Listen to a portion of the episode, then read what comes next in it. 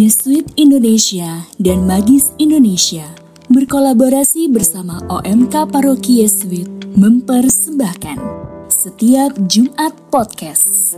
Podcast yang akan menemani teman-teman muda untuk rehat sejenak, ngobrol bersama, supaya hidup tidak terlewat begitu saja.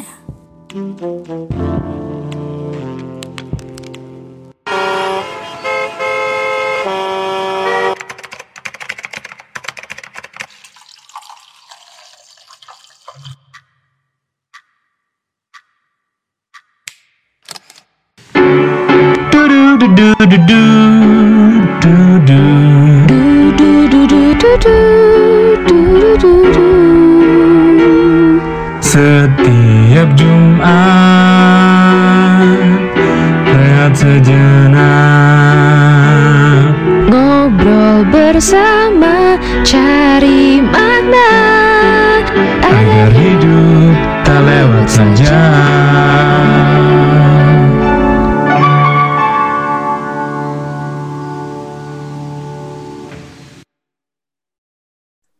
sahabat setiap Jumat Podcast, kembali lagi bersama kami. Kali ini ada aku Tisna dan sahabat aku Frater Septian.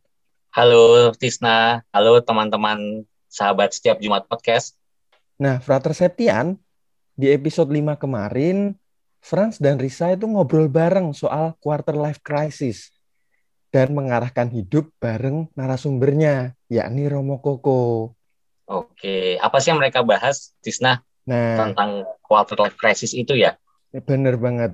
Jadi mereka itu membahas tentang eh, perjalanan Santo Ignatius berjalan bersama Tuhan dalam pengalaman pembengkokan hidupnya Ignatius itu, gitu, Frater. Oke, dan ternyata pengalaman pembengkokan Ignatius itu bisa menjadi berkat gitu ya, atau bahasanya teman-teman kemarin itu blessing in disguise dari Wah. pengalaman Ignatius itu. Ya, bener, Dan juga nih, uh, uh, nah sekarang kita mau bahas apa nih? Apa apakah ada hubungannya gitu dengan episode sebelumnya tuh? Tentunya ada, Frater. Nah, kalau kemarin itu bahasnya tentang soal pilihan ya. Nah, kali ini akan melanjutkan obrolan mengenai setelah membuat pilihan itu, Frater. Oke, oke, oke, oke. Nah, eh, sebenarnya kamu belum memperkenalkan diri saya loh. Teman-teman kan baru kenal tuh kamu aja, Tisna. Kamu nggak mau kenalin saya nih? Iya, bener banget nih. Frater Septian itu boleh perkenalkan diri dulu, Frater. Oh, gitu ya. Ya, bener. Oke, ya teman-teman, perkenalkan nama saya Frater Sepian SY, teman-temannya Frater Yesus juga. Sekarang saya sedang menjalani masa studi teologi di Manila. Gitu, Tisna. Oke. Nah, eh, selain kita berdua, ada orang lain lagi nggak nih yang bakal gabung? Iya, ada narasumber satu lagi, Frater, yang menemani kita ngobrol di setiap Jumat Podcast episode 6 ini. Siapakah dia? Oke, kita panggil aja langsung. Mas Halo Selamat Aglis. teman-teman. Mas Aglis. Ye, Mas Ya. Aglis. Halo, selamat datang para pendengar podcast apa setiap Jumat. Ya. Setiap Jumat podcast. Ini sayang banget ya, Tisna ya. Karena podcast itu nggak bisa lihat wajah, tapi kita bisa ngeliat wajahnya Mas Aglis nih. Kok mirip Iya. ini ya, pemain band gitu. Rambutnya tuh Waduh. belah tengah gitu ya. Itu kayak Ariel Noah. Oh, Ariel Iya. Noah. Iya. Nih ketahuan dari, Sebenarnya- dari Sebenarnya ini efek PPKM, brother. Oh, Jadi belum sempat cukur rambut nih. belum sempat cukur rambut. Oke, apa kabar Mas Aglis? Baik, Frater Septian. Apa kabar, Frater Septian di Manila? Baik, Mas Aglis sekarang tinggal di mana ini? Saya di Semarang, sedang PPKM darurat ini di rumah terus. Oke, tapi tetap sehat-sehat selalu ya. Sehat selalu. Puji Tuhan sehat. Nah, Mas Aglis mungkin bisa ceritakan sedikit nih tentang kesibukannya sehari-hari itu ngapain aja nih Mas Aglis nih. Oke. Em, saya perkenal dulu nama saya Agris Damar Hapsara, biasa dipanggil Agris. Kesibukannya tiap hari kerjanya gambar, jadi ilustrator, freelance Oke. ilustrator. Selain bantuin teman di sebuah studio ilustrasi, tapi kan saya juga gambar secara pribadi, freelance untuk keperluan apa pun, cover buku, apa pun lah, macam-macam yang berhubungan dengan ilustrasi seperti itu. Wah, keren banget ya Frater ya, Mas Aglis nih ya Frater. Mm, mm, mm, mm.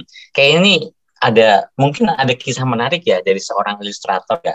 Uh, dan pasti kenapa kita undang ke dalam podcast ini pasti Mas Aglis punya sesuatu yang bisa dibagikan ke kita semua ya, Tisna ya, terutama tentang keluar dari zona nyaman gitu. Mau Benar. mau langsung ditanya nggak nih Tisna nih? Langsung aja. Ah, Saya kira gimana nih? tentang tips and trick bagaimana menggambar. itu Drawing nanti tutorial. Mas di episode selanjutnya. Bukan di SD podcast, itu nanti di apa? Menggambar podcast. Oke. Nah, mungkin baik. diberi pengantar dulu dong, Tisna. Kenapa kita uh, ngomong apa keluar dari zona nyaman ini? Mungkin Mas Agus belum tahu juga loh.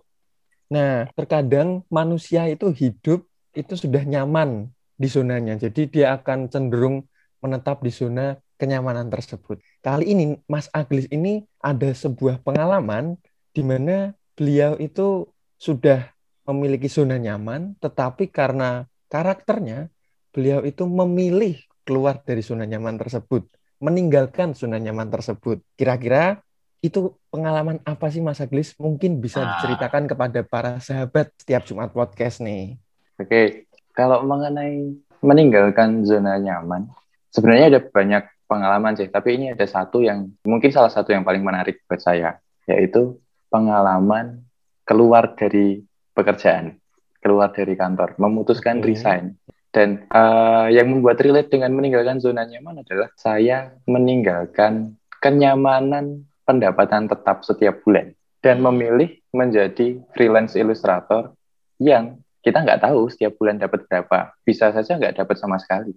Sebuah ketidakpastian. Jadi saya meninggalkan kepastian finansial sebulan sekali yang pasti dapat ikut kantor sebagai junior arsitek waktu itu dan meninggalkan itu semua ke sebuah yang ketidakpastian seperti itu. Itu salah satu pengalaman yang menarik buat saya. Nah, kira-kira Mas Aglis ini kok cenderung meninggalkan zona nyaman itu kenapa sih sebetulnya?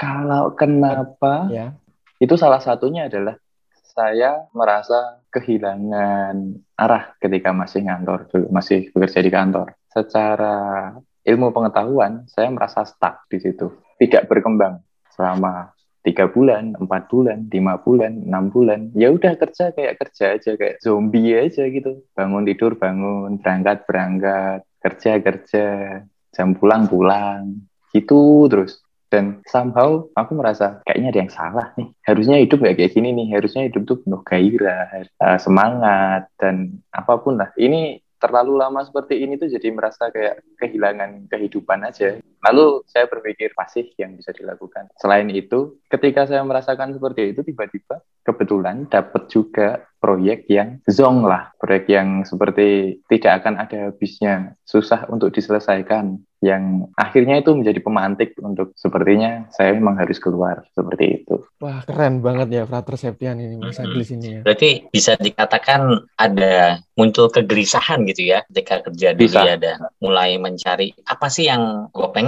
gitu ya yang akhirnya membuat Mas Aglis ini mau mencari sesuatu gitu ya dan akhirnya mau Iya, keluar ya. Yang paling ke- kentara itu adalah ketika kita bangun pagi. Ketika Hmm. kita bangun pagi, ketika bangunnya kita males-malesan dan merasa tidak ingin melanjutkan kegiatan. Aku kan berarti harus mandi, ganti baju, berangkat ke kantor. Dan saya waktu itu bangun pagi itu merasa tidak semangat sekali. Terus dengan rutinitas itu. Seperti merasa jenuh, bosan, muak. Padahal ya nggak ada yang salah dengan rutinitas itu kan. Tetapi somehow saya merasakan itu. Dan pekerjaan pun juga sebenarnya baik gitu ya. Pekerjaan baik-baik Dalam saja, art- lancar. Da- dalam artian ya mendapat pekerjaan dan, mendapat dan tetap pekerjaan. digaji gitu ya. dan tetap digaji. Deadline juga baik-baik saja. Cuman kebetulan waktu itu triggernya, pemantiknya itu setelah selesai dengan satu project, ada project baru masuk dan nah, project ini tuh terlalu berat untuk menjadi tanggung jawab saya sendirian. Waktu itu saya harus mengerjakan project itu sendirian, renovasi rumah sakit itu sendirian. Akhirnya jadi stres kan saya dengan project ini. Nah itu ternyata jadi pemantik akhirnya.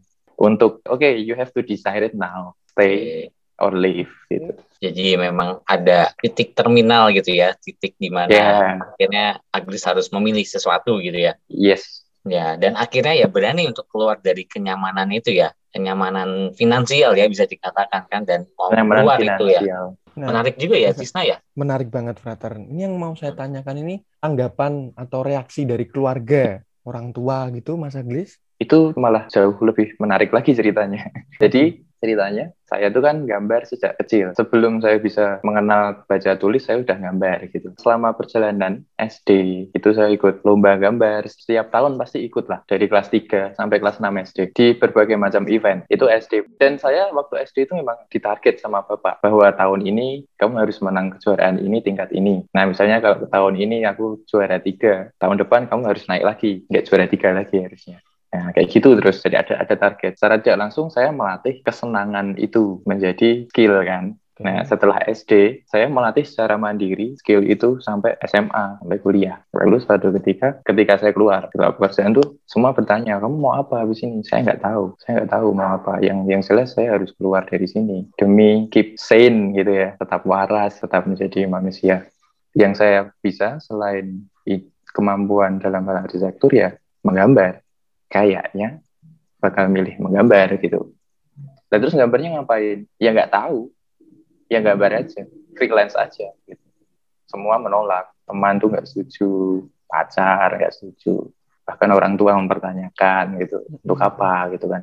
Dan ya itu kan sangat gambling dan sebuah kes kalau kita mikirnya kenyamanan finansial kan putusan bodoh tuh. meninggalkan kenyamanan finansial itu untuk sesuatu yang kita nggak tahu sama sekali membuat saya yakin adalah waktu itu adalah saya punya modal pengalaman menggambar jauh lebih lama daripada teman-teman saya yang lain. Dan itu pasti akan menghasilkan. Karena katanya kerja keras itu kan tidak akan mengkhianati hasil gitu kan. Walaupun saya nggak tahu itu nanti bakal kayak gimana. Nah ketika itu saya nekat keluar demi tetap waras karena waktu itu saya stres banget dengan pekerjaan renovasi rumah sakit tadi. Sampai ke gejala kecemasan dan lain-lain gitu. Kebetulan pacar saya kan lulusan S1 psikologi, jadi dia agak tahu gejala-gejala kecemasan dan termasuk dengan stres berarti ya Mas ya. Stres, stres. Yeah. Waktu itu stres. Termasuk dengan berat badan menurun drastis dalam waktu satu bulan turun 4 kilo gitu. Dan itu terakumulasi di bulan kedua, bulan ketiga. Terus hubungan dengan orang-orang sekitar tuh mulai terganggu. Karena kan secara mental saya kurang sehat nih akan berpengaruh dengan hubungan dengan orang-orang sekitar kan. Orang tua teman pacar lebih emosional mungkin. Trigger yang paling membuat saya harus memutuskan harus keluar adalah mimpi waktu itu. Mimpinya adalah mimpi yang belum pernah saya alami sebelumnya yaitu mimpi bangun tidur gigi itu rontok semua dan rasanya kayak kita kalau ngimpi buang air kecil gitu kan. Kan terus biasanya ngompol tuh gitu. nah itu rasanya kerasa banget. Kerasa kayak rompal gitu giginya. Ketika itu saya menyadari bahwa ini bukan mimpi biasa. Ini ada apa? Saya carikan googling jurnal psikologi lah dan macam-macam. Ternyata saya li lihat dari beberapa artikel sebuah artikel dan lain-lain enam atau tujuh gitu menyatakan bahwa itu salah satu gejala kecemasan kecemasan yang berlebih, stres, kekhawatiran. Akhirnya saya merunut lah, aku kenapa sih kayak gini? Kenapa sih kayak gini? Oh ternyata triggernya ini, ini, ini. Salah satunya kebosanan tadi yang terakumulasi. Di-trigger dengan project yang sangat berat untuk diselesaikan. Yang akhirnya itu membuat stres. Dan akhirnya saya membuat goal setting waktu itu di bulan Agustus atau September 2019. Goal setting bahwa ini harus segera selesai. Bagaimana? Nah akhirnya saya bikin goal setting, tujuan, target, dan lain-lain lain, gimana caranya Desember itu project ini harus sudah selesai, serah terima, sehingga Januari saya bisa resign. Nah, akhirnya hmm. Setelah saya September itu melakukan setting the goals itu ke depan, tidak saya rasakan lagi. Pokoknya jalan, pokoknya harus jalan, pokoknya harus jalan. Mau kayak gimana capeknya, mau nggak tidur, mau tidur rumah semen atau kayak gimana, pokoknya harus selesai. Akhirnya Desember itu selesai, ya sudah. Iya, menarik ya, Tisna ya. Uh, hmm. Pengalamannya Mas Aglis gitu ya keluar dari zona nyaman. Mungkin Tisna punya pengalaman sendiri nggak? Pengalaman yang serupa gitu dari zona yang nyaman lalu pindah ke sesuatu yang tidak nyaman gitu pasti hmm. ada. Oke, kalau aku itu karena aku kan tinggal di Semarang, lalu setelah lulus SMA itu memutuskan untuk kuliah melanjutkan studi itu di Jogja, di salah satu universitas di Jogja. Nah, awalnya ketika pindah ke kos-kosan, kos-kosannya ya sederhana gitu ya, nggak yang wah-wah gitu. Ya, awalnya berat gitu, bangun tidur, harus rapikan tempat tidur, mikir harus sarapan apa. Terus harus cuci baju sendiri harus menghemat uang sendiri. Jadi semua apa-apa serba sendiri setelah di kos-kosan itu ya. Karena pada sebelumnya kalau di rumah itu bangun tidur ya makanan udah tersedia gitu. Jadi semua serba berbanding terbalik 180 derajat kehidupan di rumah dengan kehidupan yang ada di kos-kosan. Nah, tapi setelah itu seiring berjalannya waktu menempuh zona tidak nyaman di kos-kosan itu, ya akhirnya aku juga bisa mencapai zona nyaman sendiri gitu. Karena yang pertama udah terbiasa, lalu yang kedua udah menemukan komunitas teman-temanku sendiri, gitu, Frater. Oke, jadi punya juga ya Cisna ya. Ya, kalau Frater Septian kira-kira ada nggak nih? Ah, akhirnya ditanya nih. Saya udah nunggu pengen ditanya nih. Iya, Frater Septian. Enggak, enggak, enggak. Enggak, enggak. Ya pasti punya pengalaman juga sih, pengalaman keluar dari zona nyaman. Walaupun nanti saya ada pertanyaan lagi nih buat kita semua nih. Tapi ah, saya sharing sedikit juga ya. Jadi mungkin salah satu pengalaman keluar dari zona nyaman itu ya ketika saya dulu berada di kenyamanan hidup sebagai PR consultant ya. Sebelum masuk Serikat Yesus, saya sempat kuliah lalu bekerja di Jakarta, bekerja di salah satu konsultan PR dan cukup nyaman karena memang ini salah satu passion saya. Lalu sama sih seperti Mas Agus ya punya kestabilan finansial lalu passion saya tersalurkan gitu. Karena seorang PR consultant kan salah satu pekerjaannya tugasnya kan membuat event lalu jurnalis strip gitu ya. Dan saya sangat menikmati gitu. Dan memang bisa dikatakan ya nyaman memang. Walaupun memang ketidaknyamanan itu mungkin karena bekerja di Jakarta ya bergulat dengan kemacetan lalu polusi dan sebagainya macam. Tapi ya saya telah lahir dan besar di Jakarta jadi terbiasa gitu. Lalu kenyamanan itu saya tinggalkan ya itu karena mau masuk ke dalam serikat Yesus gitu ya masuk novisiat saat itu dan memang tidak nyaman ya di awal-awal masuk novisiat harus berjumpa dengan teman-teman angkatan yang berbeda lumayan jauh umurnya lalu hidup baru hidup miskin terus hidup miskin dalam arti hidup sederhana ya tapi lama-lama mulai terbiasa gitu dan ini makanya saya mau bertanya juga nih ke Tisna, ke Mas Agus, dan ke diri saya sendiri gitu. Eh, tadi kan topiknya keluar dari zona nyaman gitu ya, dan coba untuk Oke, ya. tinggal ke di dalam ketidaknyamanan, hidup yang baru atau situasi baru gitu. Tapi kan kalau saya dengar tadi ya, sebenarnya kita pun juga tanpa sadar menyatakan gitu. Kita membuat kenyamanan baru ya dari hidup kita yang sekarang gitu. Mungkin Iya, Frater. uh, Mas Aglis itu ya sudah terbiasa gitu dengan finansial yang nggak pasti gitu, tapi akhirnya nyaman juga dengan situasi baru. Lalu Tisna yang sekarang bisa tinggal di luar kota Semarang, lalu di kosan itu. Saya tinggal di Serikat Yesus, ternyata ya bisa nyaman juga gitu ya. Dalam arti ya menjadi seorang religius itu punya beberapa privilege yang membuat saya seorang Septian ini nyaman gitu. Pertanyaan saya, sebenarnya yang dimaksud dengan zona nyaman dan tidak nyaman itu seperti apa sih gitu. Jadi kita agak sedikit lebih dalam nih. Kenapa kita bisa menyebut oh ini pengalaman nyaman gitu. Apa yang membuat zona itu menjadi tidak nyaman? Atau mungkin definisi zona tidak nyaman itu seperti apa gitu? Apakah hanya sekedar hidup baru, keputusan hidup baru, tempat baru, atau ada hal lain gitu? Oke. Gimana nih? Ada yang mau jawab Hmm. nggak nih? Zona nyaman tuh yang seperti apa sih? Tidak nyaman yang seperti apa sih? Gitu ya kira-kira ya, Frater ya? Ya, jadi mungkin menjawab Iya. satu satu jawab apa?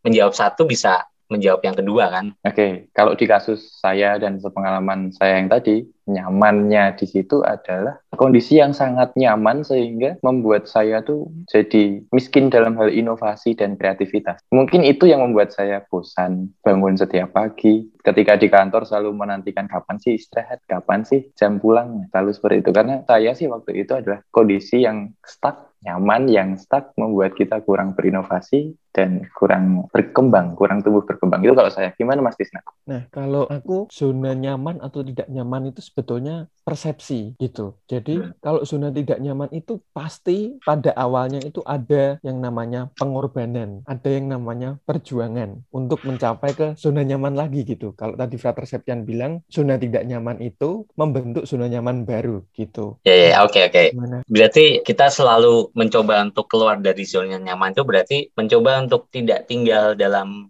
ya kenyamanan ya. Dan Betul, mungkin kalau kata lainnya gini ya, kalau kita terus berada di zona nyaman membuat diri kita tidak berkembang gitu ya. Iya, stuck. Ah, Frater. kalau- betul. Ah, stuck gitu. Jadi kalau Aglis mungkin kreativitas menjadi mati gitu ya. Jadi tidak bergairah Ya, gitu. Ya, Ah, jadi in- indikator kita apakah saya berada di zona nyaman atau tidak nyaman, salah satu indikatornya itu ya, meneliti batin juga mungkin ya bahwa ini sebenarnya gue berkembang gak sini gitu ya dengan kehidupan yang sekarang gitu. Gitu bukan? Hmm, bisa jadi sih. Hmm. Tapi saya jadi muncul pertanyaan yang lain nih. Kita hidup berusaha mengupayakan mengupayakan segalanya itu kan untuk salah satunya adalah mencapai kenyamanan itu. Setelah Hmm. mencapai kenyamanan itu, apakah kenyam itu akan memunculkan kenyamanan yang harus ditinggalkan atau tidak? Nah kan ini kan ada kenyamanan yang perlu dipertahankan, ada kenyamanan yang perlu ditinggalkan. Nah ini untuk membedakannya seperti apa ini kira-kira Mas? Jadi sedikit ya. membingungkan. Iya, Nah gitu.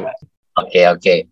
Kalau menurut aku itu itu tergantung dari karakter masing-masing orang gitu. Hmm, Jadi ada masing-masing orang yang sudah merasa puas. Oh, aku sudah puas nih Nah, dengan ini. Aku sudah merasa puas. Oh, aku sudah punya A, aku sudah punya B. Udahlah, cukup. Tapi ada orang yang belum pernah merasa puas. Jadi ketika mencapai zona nyaman, ini bukan dalam hal duniawi ya, kekayaan atau itu ya Tapi apa pun lah. ya untuk pengembangan pribadi. Wah, kok aku di sini seperti Mas Mas Aglis tadi, aku kok gini-gini aja nih. Aku nggak bisa mengembangkan kepribadianku, nggak bisa mengembangkan skillku. Nah, untuk mengembangkan itu orang harus keluar dari zona nyaman tadi itu. Jadi itu karakter orang. Masing-masing orang Oke, itu berbeda. gitu, berarti- Mas. Berarti sebelum kita memikirkan tentang nyaman dan tidak nyaman, kita juga pertama harus mengerjakan PR-nya dulu bahwa kita harus mengenali dulu siapa diri kita dan kita mau apa gitu kan. Betul banget. Iya betul. Nah. Dan sebenarnya di sini tepat nih Mas Agris dan Tisna. Salah satu spirit latihan rohani ya, Nasius Loyola kan punya semangat magis gitu ya, being more gitu. Dan being more yang dimaksud ini ya tepat di sini sih menurutku ya bahwa ketika kita sudah berada di situasi yang nyaman, akhirnya kita pasti ada beberapa semua dari kita ya tiga dari kita ini merasa gelisah gitu dan ingin mencari sesuatu yang lebih lagi gitu. Nah mungkin di sini ya titik di mana kita belajar juga gitu ya bahwa kita tuh mau mendengarkan suara hati kita bisa dikatakan ya bahwa oh ternyata ada sesuatu yang membuat uh, hidup kita ya stuck gitu kan. Bisa dikatakan gitu nggak Tisna? Bahwa be more-nya itu yang dimaksud ini ya gitu. Dan saya juga punya satu pertanyaan lagi apakah dengan demikian zona nyaman yang kita maksud ini hanya sekedar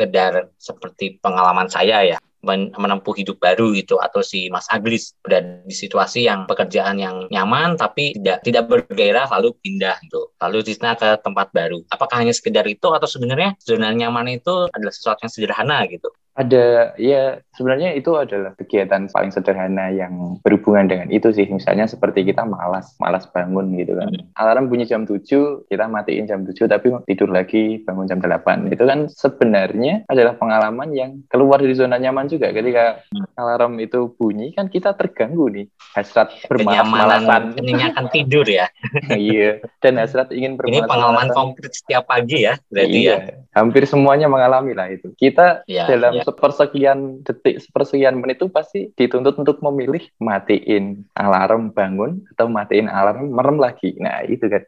Ya, ya benar juga sih, benar-benar. Kalau mungkin pengalamanku yang paling konkret gitu ya, karena kan saya hidup di komunitas gitu ya. Jadi di sini nih saya kan tinggal di Manila itu uh, fraternya ada sekitar 50-an gitu, lalu bersama beberapa romo ada 5 sampai 10 orang. Satu hal sederhana mungkin meninggalkan zona nyaman itu ketika cuci piring gitu. Jadi kadang ada romo atau ada frater yang meninggalkan lupa gitu ya, lalu gelasnya ditinggal. Mungkin zona nyamannya saya ya sudah saya nggak nyuciin piring itu gitu, tapi saya berusaha untuk keluar dari zona nyamannya dengan mencucikan piring yang belum dicuci itu gitu. Kita bisa melihat indikator juga ya dari pengalaman sederhana ini sebenarnya kita juga bisa belajar ya apa sih yang menjadi indikator bahwa kita itu sudah mulai keluar dari zona nyaman dan ingin tetap tinggal di sana gitu.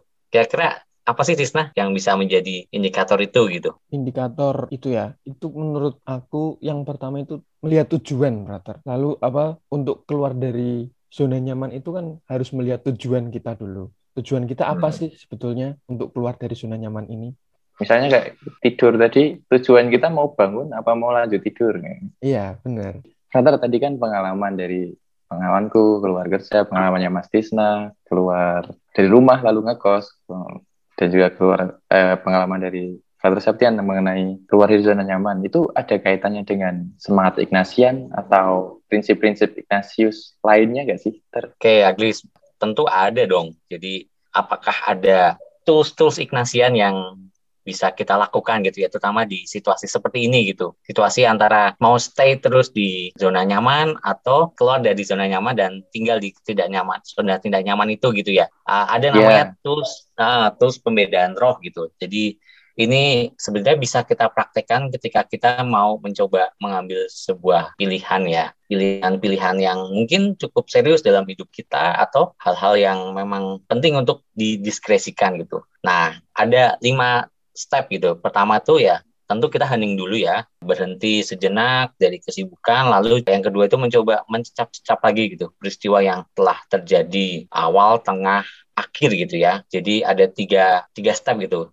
Uh, ketika aku memilih nih, contoh mau membayangkan mau keluar dari tempat kerja gitu di awal gitu ya. Oke, lalu di tengah-tengah ketika aku keluar ini apakah memang sungguh baik gitu untuk diriku dan orang lain. Dan di akhir juga gitu ketika sudah mengambil pilihan itu apakah nanti memang benar-benar merdeka dan ini memang sesuai dengan apa yang aku inginkan gitu dan mungkin Tuhan inginkan juga gitu lalu yang ketiga ya melihat lagi tujuannya tujuan dari pilihan ini gitu ketika mengambil pilihan nah lalu yang keempat kita juga diajak untuk mencermati perasaan yang muncul ya. Ini salah satu hal yang esensial sebenarnya dalam latihan rohani. Kita diminta untuk mencermati perasaan itu. Apakah aku senang, sedih, atau ya nggak merasa apa-apa gitu ketika uh, mengambil pilihan itu gitu. Dan yang terakhir ya mencoba melihat lagi sebenarnya apakah ada pola-pola yang muncul ya ketika aku mengambil pilihan ini gitu. Tentu ini perlu praktek dan apa ya, Glis ya konkret gitu ya ketika kalau menggunakan tools pemedaan roh ini gitu. Gitu Glis, uh, Tisna. Oke, berarti ini bisa diterapkan oleh siapa saja ya Ter ya? Mm -mm.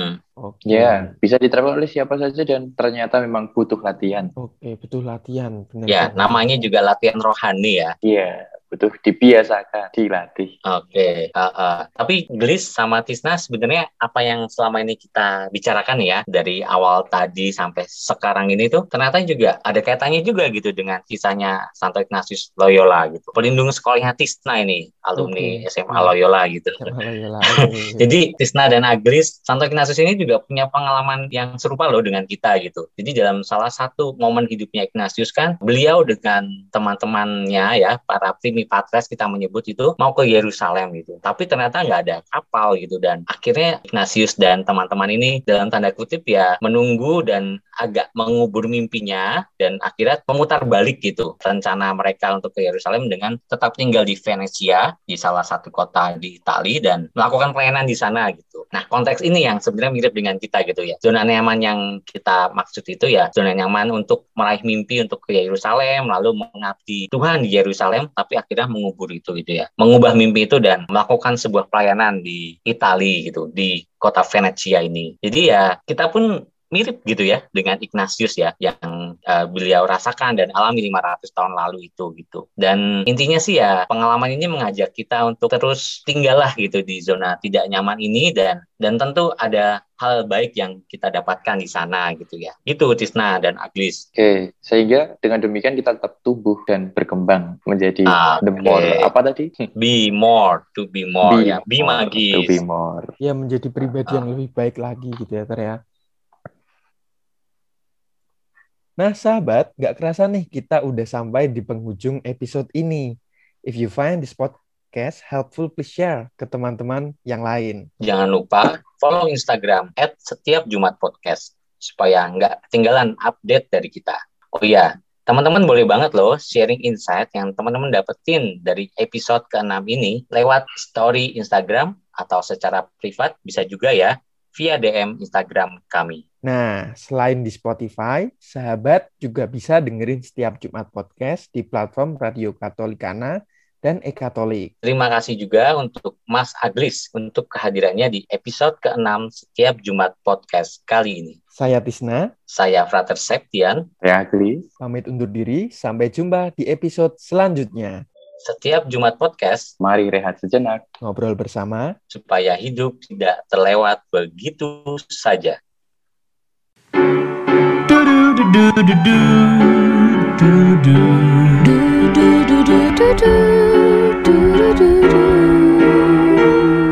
Setiap Jumat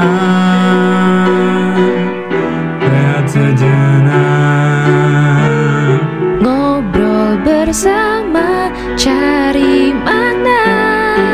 Agar hidup tak lewat saja